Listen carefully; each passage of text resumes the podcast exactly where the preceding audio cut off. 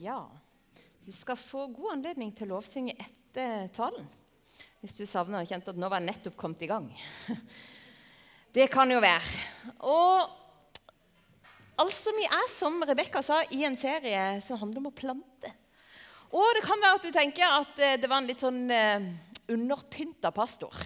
I, er det collegegenser det heter? Jeg vet ikke hva. Men eh, du kan se på det som en uniform, en misjonskirkeuniform. For vi har nemlig fått Sånne flotte gensere med 'Tro, sende, plante'. Det er visjonen som Misjonskirka Norge har liksom sett for seg de neste ti årene. Da skal vi tenke på det. Tro. Hvordan kan vi bygge tro i livene våre, i fellesskapene våre, iblant de som ikke tror, i nasjonen, i byene der vi bor? Hvordan kan vi sende, hvordan kan vi forstå at vi er sendt? Hvordan kan vi få sendt ut mennesket i denne verden? Og så er vi altså kommet til plante. Og vi har hatt to eh, Det har vært to søndager hvor vi har talt om dette. Da har vi snakka om eh, Vi har om så Må se når jeg skal trykke på. Vi har snakka om Gud som er såmannen. Han er den som sår raust ut. Og jeg syns det er så nydelig med Gud. At han bare sår ut. Noe faller på steingrunn, noe faller der det er tårnet som lett dukker opp. Men han bare holder på. Han sår stadig noe nytt. Sånn er han. Han er raus. Vår Gud er raus. Og Forrige søndag så snakka Kristin Lie, som var her. Hun snakka mye om planter. da, Det kan ikke jeg så mye om. Altså, ordentlige planter. men, eh, men hun snakket om planten sin syklus. Han dør. Men det er alltid liv inni frøene. Og sånn kan jo vårt liv òg kjennes, at noe dør. Men noe er òg gitt for å spire opp til nytt liv. Og i frøet, i det Gud har gitt oss, er det jo egentlig ment å si, så er det eller det var det hun sa, så er det fullkomment, det vi trenger. Ja, i dag skal vi ha en litt annerledes tale. Vi skal nemlig ha intervju. Og I dag kan du få med deg tre tre intervjuer. To her oppe og én nede på menighetsmøtet. Og det som jeg er så glad for, det er at her i kirka så har vi kultur for å gå på menighetsmøte. Og det trenger vi. For vi trenger å prate i lag. Så jeg gleder meg til en full søndag sammen.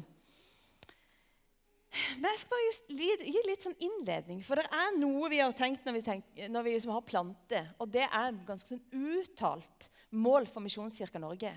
Vi vil plante nye menigheter. Å plante nye menigheter det, skal, det, er ikke det jeg skal snakke utelukkende om. Men jeg tenkte jeg skal bare vise et kjapt bilde av der hvor jeg jobba før. Før jeg kom til Frimisjonen, så jobba jeg ni år i Salem misjonskirke i Kristiansand. Og Salem ble altså stifta i 1934. Og Nå skal jeg låne litt av en god venn og et stort forbilde som heter Jens Kåre Lindahl. For han har skrevet en oppgave og Da intervjua han Ivar Kårigstad og Leif Jordtvedt. Begge de to de kjente. Gamle karer. Nå er de hjemme hos Herren, begge to. Men de sa, i forbindelse med Salem sitt tidlige liv, så sa de at det ble tidlig klart for oss at den beste formen for evangelisering, det var å plante menigheter. Det kjente de at Gud minna de om beste formen for å evangelisere det er å plante menigheter. Og På 50- og 60-tallet var det noen fra Salem som reiste til Lyngdal. Eh, det er ca. en time unna. reiste de der til, og så holdt de møtekampanje. Og så kom det dette er jo lang historie, men så kom det noen fra USA, og så connecta de. Og så planta de misjonskirke i Lyngdal. Der er vår Tobias, han som er ungdomsleder. Der er han born and raised. Det er veldig nydelig, for historien er at de gutt, eller mannfolkene de ble enige om å ikke gå til frisøren for de pengene. De skulle klippe hverandre for de pengene de skulle de bruke på kirka. Er ikke det sterkt? De drev og planta menighet. Det er tøft. Og så har Salem vært med på et himla plantearbeid. De har planta i Marnardal i 1969, i Randesund i 1984. Randesund har selv planta et eh, ytre Randesund, så der ble det et barnebarn til Salem. 1994 Søgne, 2009 Vågsbygd. Voksbygd, planta Flekkerøy. Nå er det masse teori. Du kan høre eller ikke. Justnes, Hånes og Hellemyr kom til mellom 2013 og 2019. Tenk det. De har drevet og planta menigheter innenfor et rekkevilde hvor det tok under en halvtime for alle å kjøre til Salem. Fordi at når folk planter noe der hvor de bor, da skjer det noe der hvor de bor. Når noen er med å stifte noe i sitt lokalmiljø, da skjer det noe i det lokalmiljøet. Og vi vet at det er en direkte sammenheng mellom antall nye menigheter og antall medlemmer som er nådd. Nå skal du høre. Det er siste sånn eh, fun fact for meg. da, Kanskje bare tørr teori for deg. det vet jeg ikke. Men um, antall, altså Mellom 2010 og 2019, som var da de siste ble planta da gikk altså antallet gudstjenester i misjonskirkene i Kristiansand det økte med 83,5% Antall gudstjenester. Antall smågrupper økte med 156% Antall menigheter gikk fra fire til ni. Og vi vet ikke hvor mange det er som har blitt nådd med evangeliet, men det er mange. Så planting det skal vi bare tørre å snakke om. For det har en effekt. Og da er det en glede for meg å ønske velkommen opp første gjest på mitt uh, Det er ikke noe talkshow her, det er tale. Kom igjen! Øyvind Walland. Ja, han kan få en applaus på vei opp, det syns jeg. Og Jeg skal gi en liten intro. for det er nemlig sånn at uh, Frimisjonen har vært litt sånn med på en planting. For de som var pastorer her før, det er Lars og Astrid Torp. De har nemlig planta en menighet i Lillesand. Og der har Frimisjonen noen aksjer, for der har dere støtta mye. Nå sier jeg dere, for det var før jeg begynte. Og se på den kyllingen oppi der, som jeg var litt yngre. Ja, det er noen siden. Ja, det er noen. Du skal få denne, så folk hører. Oi, ok, nice. Ja. Hei, Øyvind. Du, kan ikke du gi oss litt av forhistorien til at Lars og Astrid planta Lillesand misjonskirke? Det kan jeg gjøre. Eh, Lars og Astrid Torp de hadde jo vært pastorer her i mange år eh, og trivdes godt med å være det og hadde det veldig fint der oppe i Tromsø. Eh, og årene før de reiste sørpå, da, så hadde de kjent på det at nå var de snart ferdig her. De kjente på at de hadde fått et nytt kall til å gjøre noe nytt. Og så hadde de kjent begge to på at de ville starte en ny menighet, plante en ny menighet. Men de visste ikke helt hvor. Og så kjente de begge på at jo, det er Lillesand. Og det er et sted som er nært der de begge har vokst opp, men allikevel ikke er et sted de har vært mye. Det er ikke deres sted, samtidig som det er et sted nært der de har vært. Så var det litt det at de kjente på begge to da, at det var dit, som var litt rart for dem. Men at uh, siden det var så sterkt at det var Lillesand, da, så valgte de å, å gå for det. Og flytta da til Lillesand for å plante menighet. Og så vet jeg at du dro til Sørlandet for å gå på bibelskole. Uh, nei. Nei, det for, nei, det var det jeg ikke vet. Jeg antok, heter Ja. det. Så antar Eh, jeg jeg gikk på Ansgar. Ja, du gikk på Ansgar. Er ikke det en eh, bibelskole, da? Nei, men det var høyskole. Oh, ja vel, Jeg tok beklager. ikke bibelskoleåret. Nei. Jeg gikk rett på høyskolen. Ja. Ja. Eh, så veldig rett, Altså, jeg, men ikke, ikke helt. eh, Nei, nei, jeg bare antar. Eh, ja, nei, jeg reiste ned dit for å begynne på en bachelorgrad i praktisk teologi. Ja, sånn var det. Ja. Selv om det første året var ganske bibelskoleår. Det var liksom med kor og med volleyball og liksom alle Ja, de du fikk tingene. gøye biten. Jeg Det fikk var alle de gøye tingene. Men du endte opp med å være med på en menighetsplanting i Lillesand. Ja. Hva skjedde? Jo, altså Når jeg reiste ned dit, så var det så naturlig for meg å bli med på det som Lars og Astrid hadde starta der nede. Selv om det var litt kjøring unna. Vi måtte låne bil flere ganger i uka liksom, for å komme oss dit. Men vi valgte da å pendle to ganger i uka inn til Lillesand for å være med på Medisplanten der og, og bygge det fellesskapet. Um, og, så, og så fant vi ut at det, det hjalp ikke å pendle inn for å bygge menighet. Du måtte bo der.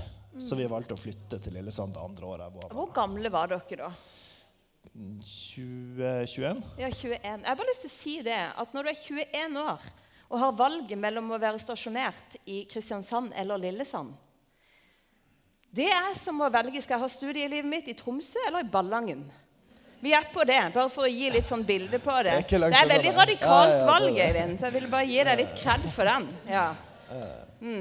Ja. Men hvordan så det ut da, når dere ble med? Altså, hvordan, eh, hva, hva var liksom greia? Jo, da var greia det at de hadde fått med seg naboene sine. Ja. Eh, så de var med i, i startteamet. Eh, Og så hadde de fått med noen andre. Ja. Eh, Henning, som også er herifra, eh, som mange av dere kjenner godt, eh, var også med i Menighetsplanten. Og han hadde fått med seg noen som han hadde vært på DTS med, en disippeltreningsskole. Eh, så dem var med. Og vi hadde fått med oss en fra Ansgar som spilte piano, og han var med. Han eh, Jeg skal ta tilbake, for det fortjener de ja. eh, Eh, Sondre helt til eh, deres venstre. eh, Reidun og Birger eh, nede i andre hjørne eh, med meg imellom seg. Det er da naboene til Lars og Astrid. Um, og så eh, Merete bak der. Skal vi se. Eh, og, og Henning fremst. um, veldig, veldig bra startteam. Så dem Um, og så med alle ungene til Lars Astrid. Altså. De er jo fem stykk, så det var jo Ja, så vokste menigheten. Krutt. Det er lurt. Det er veldig lurt. Du, men jeg vet at dere inngikk en litt sånn tidsavtale. Ja, det stemmer.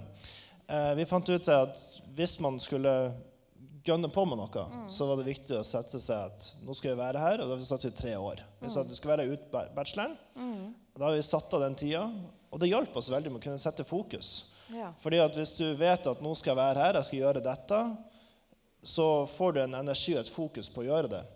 Hvis du sier at ok, nå skal jeg være her, jeg skal ta studiet, og så skal jeg være med så lenge jeg gidder, så, så mister du fort driven.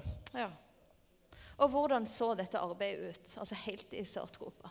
Helt, helt i begynnelsen så var det Vi møttes, spiste mat sammen, sang lovsang sammen, delte liv sammen. Og var basically bare ei smågruppe som samtidig ba for byen, eh, lagde relasjoner, satte opp sånn kart med liksom OK, jeg kjenner dem, og du kjenner dem, så vi kan kanskje møte dem sammen. Eh, bygge nettverksfletting, da, som det heter. At vi tar mine venner og dine venner, og så møtes vi sammen, så de møtes og finner ut Hei, vet du hva, de går jo også der. Kanskje de ikke er så verst allikevel. Hva slags menneske var det dere ble kjent med, og som kom til denne menigheten? Ja, eh, Hovedsakelig så var det folk som hadde bodd borte, og så kommet tilbake igjen til Lillesand. Eller folk som var helt nye i byen. Eh, vi opplevde det at det var veldig vanskelig å plante menighet i Lillesand. Fordi at det var en eh, Det er et hull i bibelbeltet. da. Så på 60-tallet så var det ingen vekkelse i Lillesand. Eh, så folk har prøvd å plante der tidligere og mislyktes. Eh, så, og, og litt, jeg tror det er litt av det, da.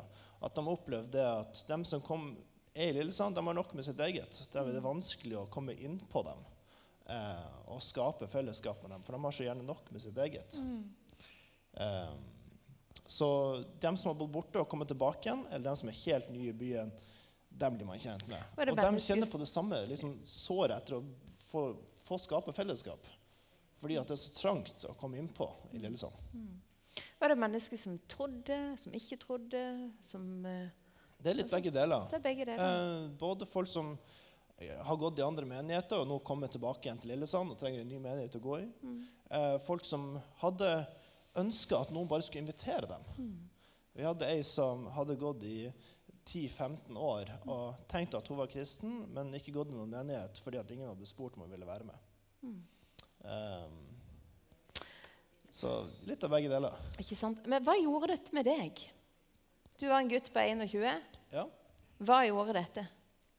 Altså Man skulle jo tro det at det å liksom ta et bachelorstudie i teologi liksom skjerper troa og sånt. Men, men det er virkelig det å få lov til å være med og bruke det aktivt som skjerper troa, som gjør at det vokser skikkelig. Når det er det for liv, da. Ja. Um, så det å liksom få det teoretisk på skolen, og det å aktivt kunne bruke det inn i menighetsplanten hver uke, og hele tida se etter vekst, se etter nye måter å nå folk på. eh, nye måter å kunne bety noe for Lillesand. Hjalp veldig. Fantastisk. Du, tusen takk. Jo. Dette var fint. Og vi skal bare fortsette å be for Lillesand eh, misjonskirke. Ja, gjør det. Har du lyst til å gi oss en liten sånn oppdatering på hvordan det ser ut nå? kan jeg gjøre. Eh, de har et ganske bra ungdomsarbeid som de jobber mye med. Eh, de har, Lars og Astrid sine barn har blitt nå nesten voksen. Eh, og mm, noen av dem er voksne nå. Og, så de jobber mye med ungdomsarbeidet. Eh, det er rundt en 30-40 stykker som kommer på gudstjenestene, som de kjører annenhver uke. Og det er ganske bevisst at de kjører annenhver uke gudstjeneste. Og det er fordi de tenker at den andre søndagen den skal brukes til å invitere folk hjem til fellesskap. Med på noe du gjør. Så det er gudstjeneste, det også. Det bare skjer hjemmene til folk, til hver eneste familie der. Mm. Eh, så den er med hensikt bare møtes annenhver gang. Um, det er smågruppebasert fellesskap. Vi tror at det, det, er de nære relasjonene vi klarer å møte flest mennesker. Ja, perfekt. Takk skal du ha. Skal vi gi henne en applaus?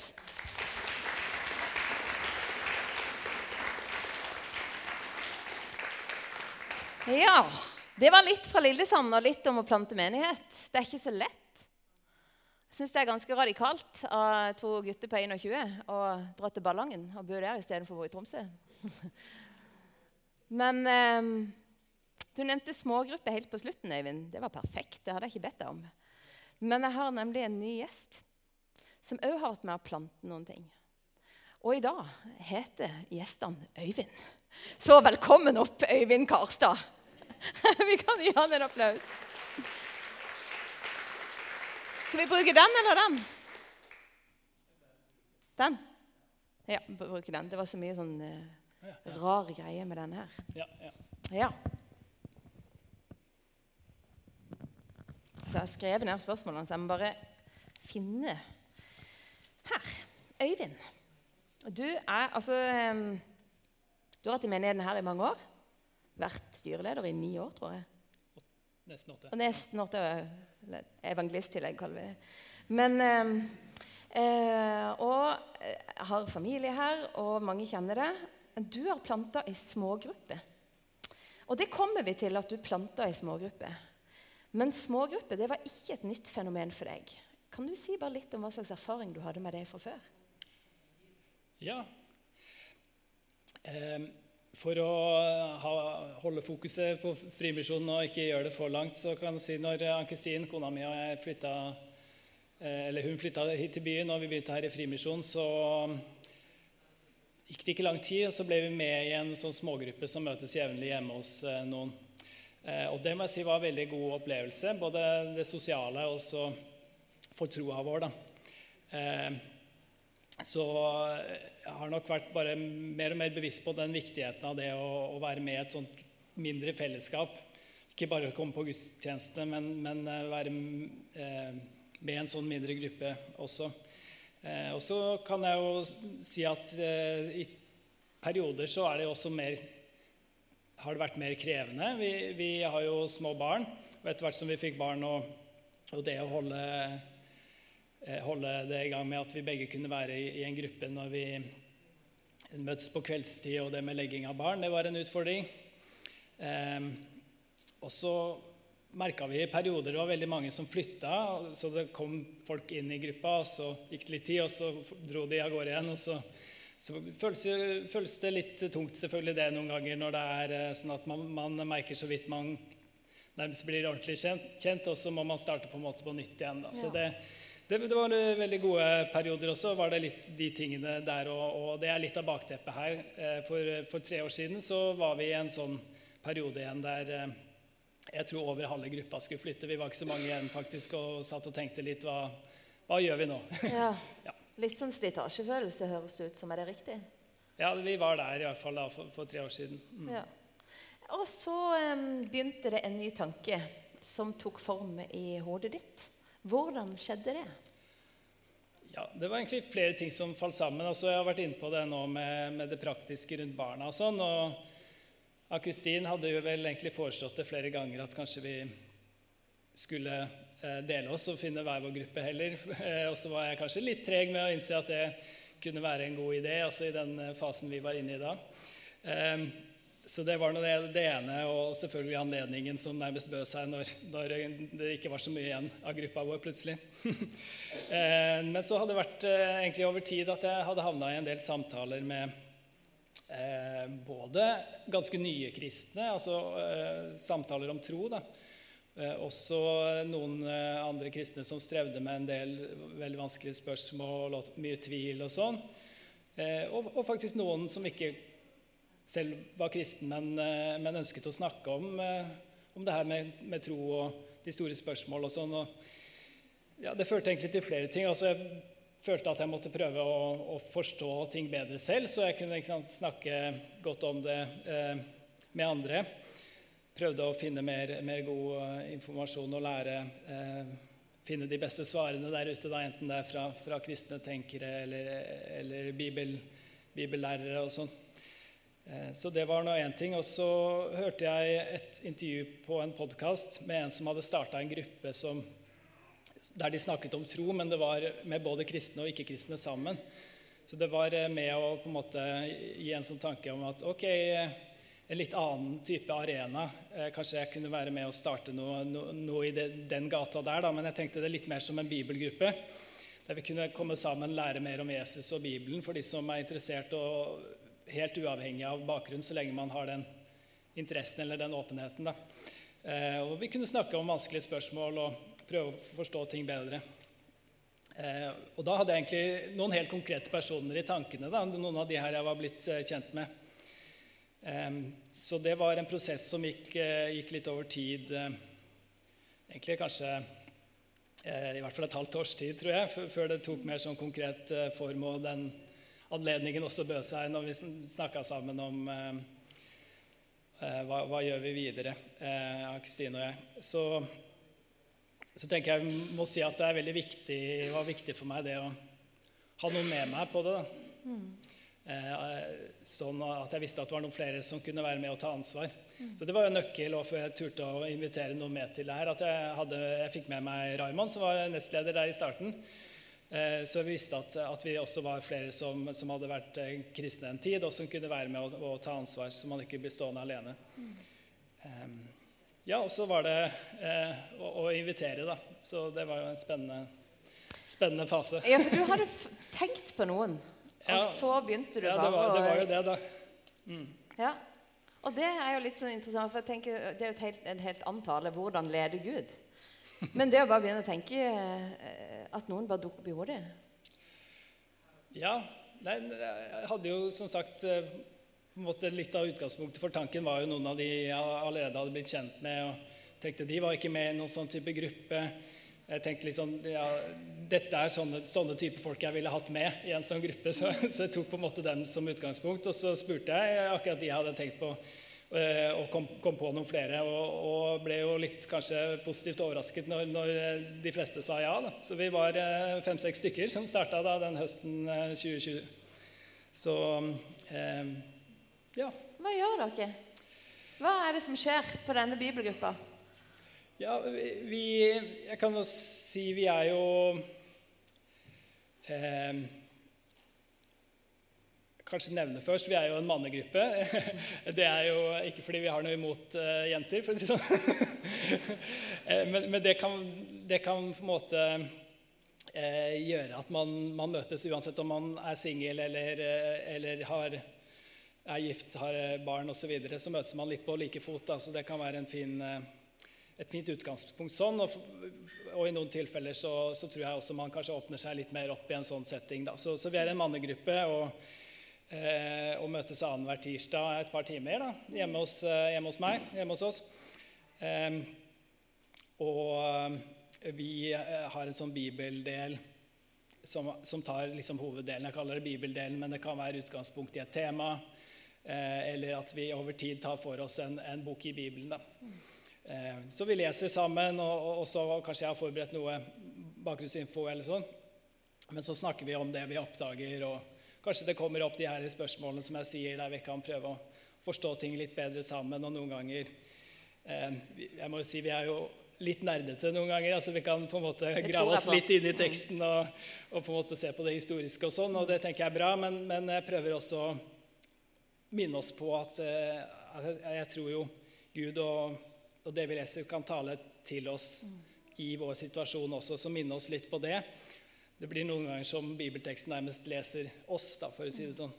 Eh, så, så, den vinklingen der. Så det blir hoveddelen. Og så, og så så sier jeg til gruppa jeg ordner kaffe og te. og Hvis noen vil ta med noe å ha sammen med, så må de gjerne gjøre det. Og det hender stadig vekk, så det er jo hyggelig. Men det gjør vi helt enkelt. Nei, så du disker ikke opp. Nei, det, det der gjør vi helt enkelt. Jeg, da bruker jeg hele tida å forberede temaet. Sånn, så. men, men eh, så var jeg litt mer usikker. Jeg var tydelig fra start på at vi skulle være liksom en bibelgruppe, hovedfokus der. Litt mer usikker på det her med bønn og hvordan, eh, hva slags rolle det skulle ha. Eh, også det å kunne være litt mer personlig.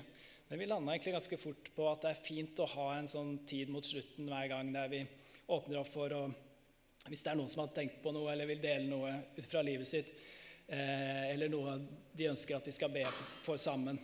Og så prøver jeg å være tydelig på at Da kan man legge lista helt selv eh, om man ønsker å dele noe, og hvis man vil være med å be høyt og sånn. Ta med en kort bønnestund på slutten. Og det tror jeg gruppa setter pris på. Det, det har jeg inntrykk av. da. At vi kommer og litt tettere på hverandre, sånn sett blir bedre kjent. Og, og sånn gjennom, gjennom det. Og, og der har jeg inntrykk av egentlig alle, alle deltar som regel hver, hver gang på en eller annen måte. Så dere er sammen. Noen mannfolk, noen troende og noen underveis et sted. Og så deler dere liv. Og Bibelen. Mm, ja, Med kaffe og te. Ja, og vi har veldig jeg kan si, altså, nå, nå er vi rundt ti, tror jeg, hvis alle møter. eh, og, og, jeg må si Det er ganske stabilt oppe oppmøte, så det er veldig flott å se. Altså, vi har en sånn trofast eh, kjerne som faktisk har vært med nesten hele veien eh, i over to år nå. Eh, og, og veldig ulik bakgrunn med tanke på det med tro. Eh, men også alder, faktisk. Vi har blitt mer eh, eh, spredt i sånn sett òg. Det tror jeg kan være en styrke. Jeg tror vi har eh, nå representert alle tiårene. Altså folk som er født på 2000-tallet og tilbake til 60-tallet. Så hvert tiår representert.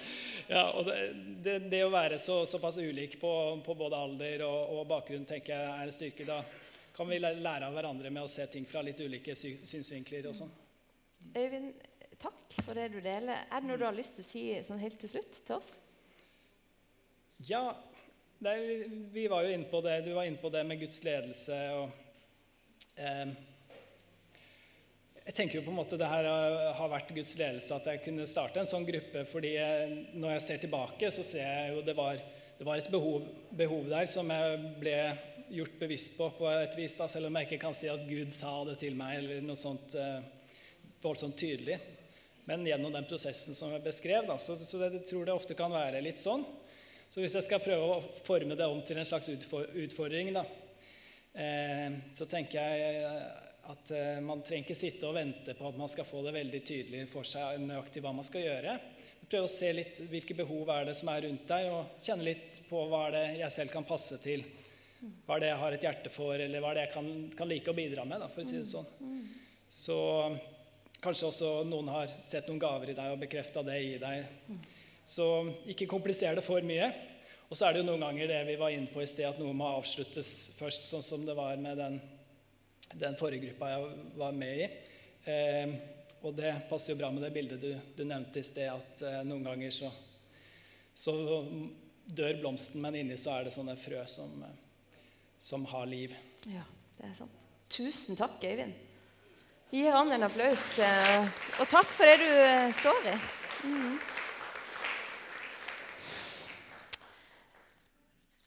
For meg er det ganske sånn Jeg har snakka med både Øyvind og Øyvind i forkant, og jeg blir ganske sånn rørt eh, jeg blir veldig rørt av eh, Øyvind og Henning, da, som er 21, og som på en måte gir avkall på et eh, De gir avkall på noe idet de velger å flytte fra Kristiansand og til Lillesand. Og så er de kloke, for de setter en tidsramme. Og så kan jeg kjenne meg igjen i det Øyvind sier med å kjenne på en slitasje av noe. Eh, hvis slitasje er riktig ord, det var ikke det du brukte, det var min tolkning. Men, men at noe på en måte var i ferd med å dø. Og noen ganger har jeg hatt det sånn at da har jeg tenkt at det er over for alltid. Jeg orker ikke tenke på den tanken igjen. Og så spirer det fram noe. Og så syns jeg det er så godt poeng det du sier, Øyvind. Kjenn på hva som passer med deg. Det er en god utfordring. Vi skal avslutte denne talen. Hvordan skal vi gjøre det?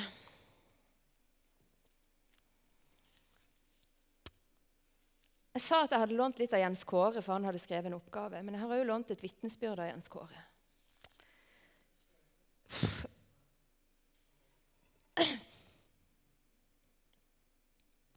Uh, og det har berørt meg så. Det er derfor jeg blir litt beveget. Um, fordi at når Jens Kåre han var en av de som var med og starta ny menighet. Han var med og plante noe nytt. Men han hadde egentlig fått jobb i Store Salem. På den tida, i begynnelsen av 2000-tallet så var det 250 mennesker på gudstjenesten. Der det var voksne og barn. Og så var det 400 studenter cirka, som gikk. Det var ganske sånn, For en nyutdanna teolog og pastor så var det spennende. Så han hadde lyst til å bo i nærheten av det. Men så hadde de ikke råd til å flytte i nærheten dit. Da endte han opp i Vågsbygd, som var et lite sånn Det var et stykke unna, da. I et rekkehus til 850 000. Og så, så forteller han at, uh, at de var litt sånn Ja, er det her vi skal bo? Er det her? Det var på en måte greit nok, for han kunne kjøre bil. Men, men så begynte de å spørre Jesus hva, hva har du for oss her vi bor. Hva er det du har planta meg for? Hvorfor har du planta oss hit? Og Det eneste de på en måte kommer på og blir minnet om, det er at de har en nabo som de etter hvert finner ut at heter Helge. De kjente ikke han fra før, men de begynner å be for han. De begynner å be for Helge og velsigne han litt og komme på hilser. Dette er i 2002. Og Så bruker de litt tid, ikke mye. Og så flytter de, for de får plutselig bedre råd får mulighet til å kjøpe et hus. og det gjør de, og glemmer Helge litt. Og Da forsvinner han litt sånn der stykkevis ut av bønnene de sine. Men innimellom, sier han Skåre, så ba vi for, eh, så ba for han. Hvis jeg så han på butikken eller noe. Etter hvert så starter de en menighet. De begynner med smågrupper. Har det i mange år.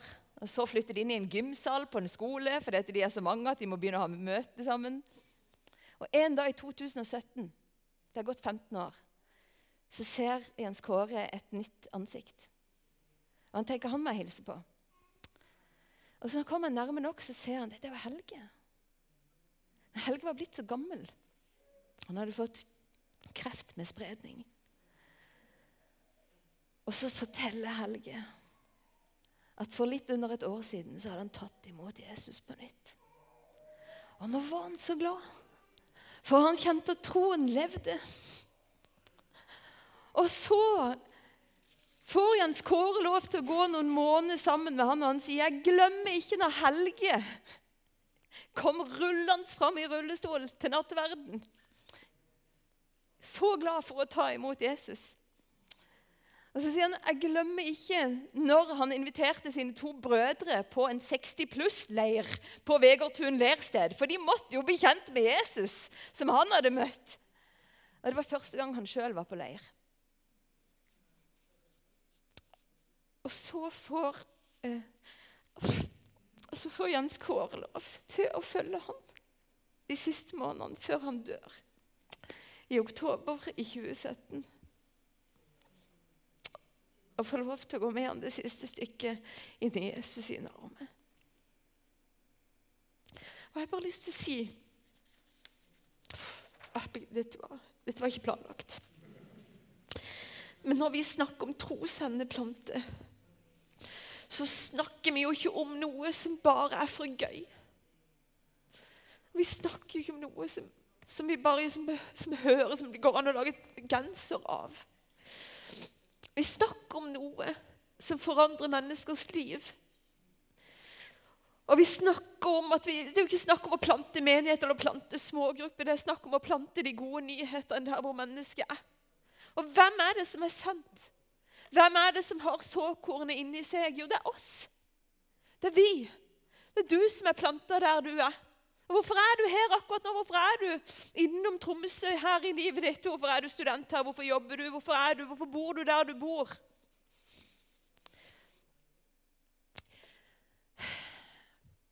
I menigheten i Antiokia var det noen profeter og lærere. Barnabas og Simon med navn, tilnavnet Niger. Lukius fra Kyrene, Manan, pleiebror til landsfyrsten Herodes og dessuten Saulus. Og en gang mens de feirer gudstjeneste for Herren og fasta, sa Den hellige ånd, ta ut Barnabas og Saulus for meg, så de kan gå til den oppgaven jeg har kalt dem til. Etter fast og bønn la de hendene på dem og lot de reise. Disse to, som altså var blitt sendt ut av Den hellige ånd, dro til Selevkia og seilte derfra til Kypros. Og Hvis du leser videre i Apostlenes gjerninger, kapittel 13, så kan du lære at der møter de mange mennesker som kommer til tro. Og Vi inviterer i dag det fastelavn, og vi faster ikke for gøy. Vi har ikke askeonsdag gudstjeneste for gøy. Men jeg tenker at vi trenger å venne oss til Gud i bønn. Vi trenger å venne oss til Gud i bønn og si 'Kom med din ånd og led meg dit du vil'. Led meg til min nabo. Led meg inn til å starte det som du vil. Kanskje skal du plante menighet, kanskje skal du plante smågrupper, kanskje skal du bare ta del i et eller annet. Kanskje skal du bare hilse på naboen din. Jeg har bare lyst til å si en ting. Ikke hold igjen. Tenk om Salem hadde holdt igjen. Tenk om Lars og Astrid aldri hadde dratt, om Øyvind og Henning ikke hadde kommet til å styrke arbeidet. Tenk om Øyvind Kvarstad ikke hadde funnet gleden i å starte et nytt fellesskap, sånn at noen som ikke tror så mye, kanskje kan finne litt mer tro. Tenk om Jens Kåre og kona Karianne ikke hadde bedt for Helge.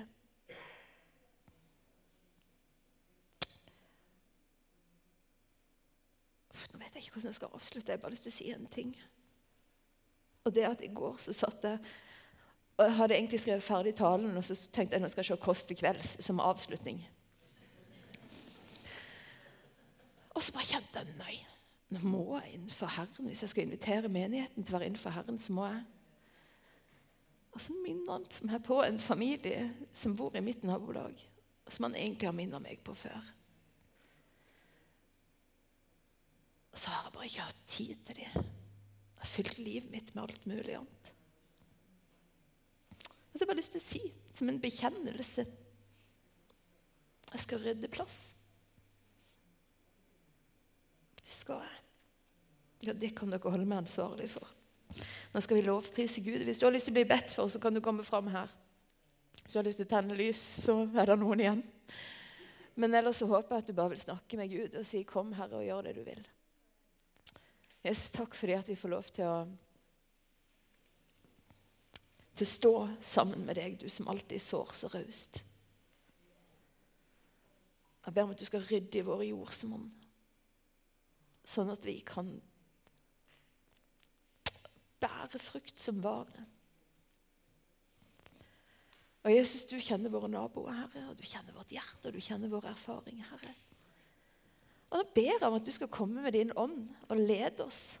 For vi, vi kan ikke holde på med dette for gøy, Jesus. Det kan ikke være en fritidsaktivitet å tilhøre deg. Vi vil følge deg, Jesus. Så det må du lære oss ved din ånd, Herre. Amen.